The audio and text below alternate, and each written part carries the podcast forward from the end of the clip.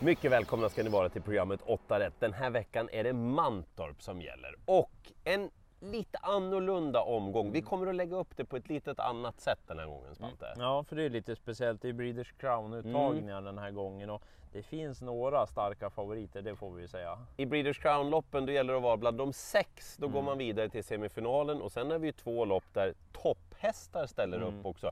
Högsta klassen nästan. Ja, så sportsligt är det ju verkligen topp, topp den här omgången. Så vi berättar vad vi tycker om favoriterna och så bjussar vi på någon jätteskräll också. Det Om ni ska gardera de här stora favoriterna. Ja, då kör vi. Då kör vi!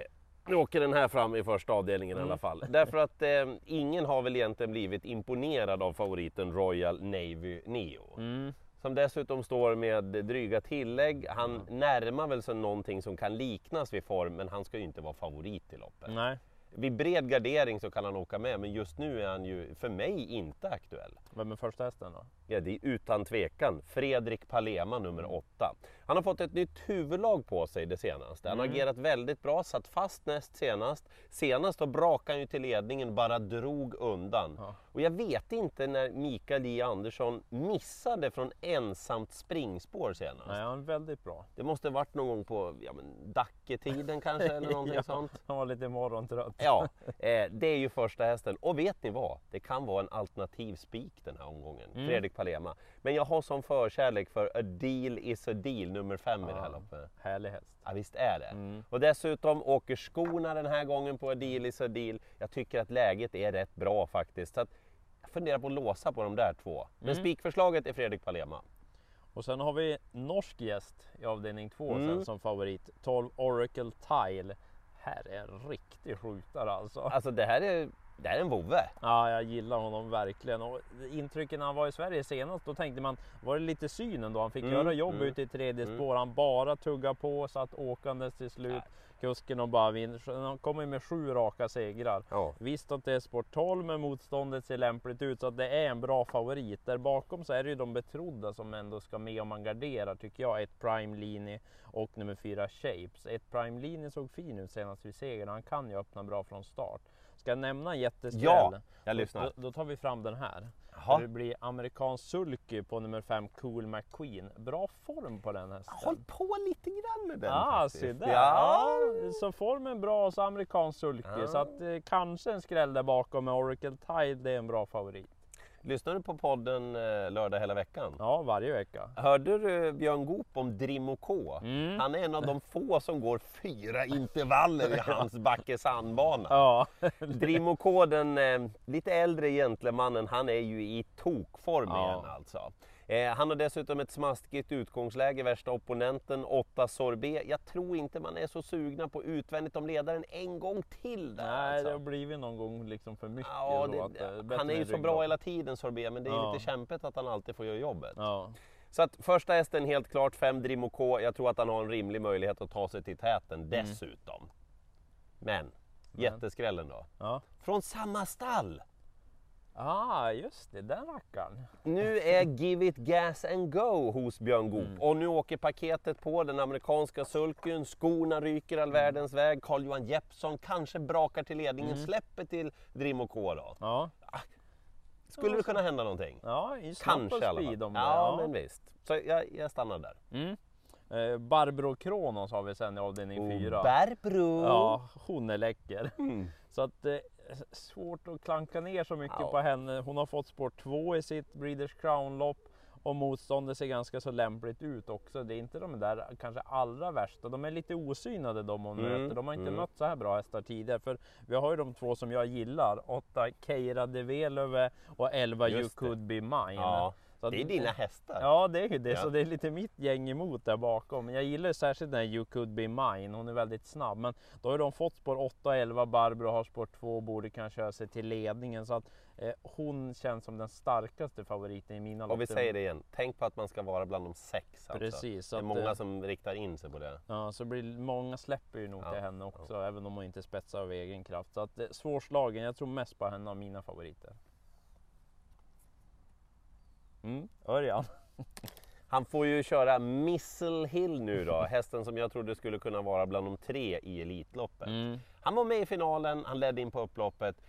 det var ju så att man var inte helt nöjda med Nej. honom i Elitloppet. Man tyckte att han var lite för vass i Elitloppet. Mm. Han presterade inte på topp. Till sägande så har han ju varit bättre efter alltså. Ja, han ja. plockade ner diamanten från utvändigt Mm. om ledaren. Och såg väldigt, väldigt fin ut. Ja, och dessutom, ja men nu är det ju full distans då för den amerikanska Mm. hästen. Ja men gå in och titta i lopparkivet då. Han har ju gjort kanonlopp över 2000 Ja. meter tycker jag. Mm. Nu kommer han till ledningen. Han kommer att sitta där ganska länge i orubbat bo. Mm. Det är frågan om Nio Saren fast då, när Ja. Liljämten, Ja. Magnus A. Djuse, tar positionen utvändigt om ledaren. För Saren fast är ju en elithäst. Ja, ja det är det. Så att de där två står i särklass och vill ni spika Missile Hill, ja men tummen upp från mig. Mm. Eh, Det är spets och det är jättebra form, det är Redén, det är Kihlström. Ja, det, finns liksom alla ingredienser. Finns det du- någon jätteskräll? Ja, det finns ju det. Ja. Med dunder och brak. Aha, ja jag förstår. Evens Cool Boy och Robert Dunder. Eventuellt kanske det blir barfota den här gången. Alltså, jag, jag mm. säger inte att den vinner, men mm, den, den ligger lite på lur där bakom. Mm. Och sen kommer en till som jag gillar. Brother Bill sen. Ja. Som, och den, ja, jag tror att det egentligen spelmässigt är så inte han så stor favorit när vi spelar in. Nej. Så att jag tror att den sett till procenten kommer vara den som är mest spelvärd att spika av de favoriterna.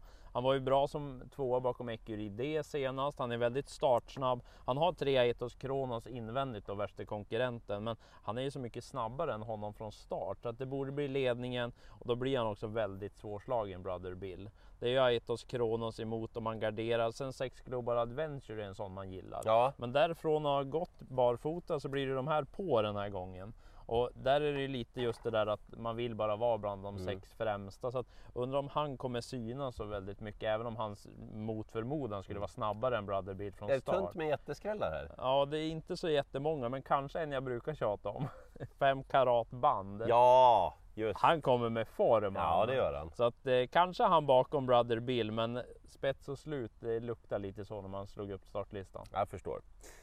Hörrni, jag kör Breeders Crown för de fyraåriga stona som avdelning 7. Ganga Bay är klar favorit. Mm. Ja, se där.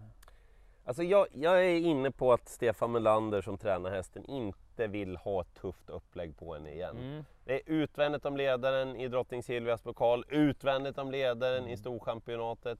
Alltså det här loppet är inte superviktigt för Ganga Bay Nej, alltså. precis. Nej. Och stallkamraten 3 Residual Thrust. Ja. Hon är startsnabb. Mm. Den här distansen är bättre för henne än 2640 meter som det var precis. senast. Ja, mm. Så att jag förordar nog henne med startsnabbheten och Mm. formen och att ja, men nu kanske Erik Adielsson vill prova ordentligt. Mm.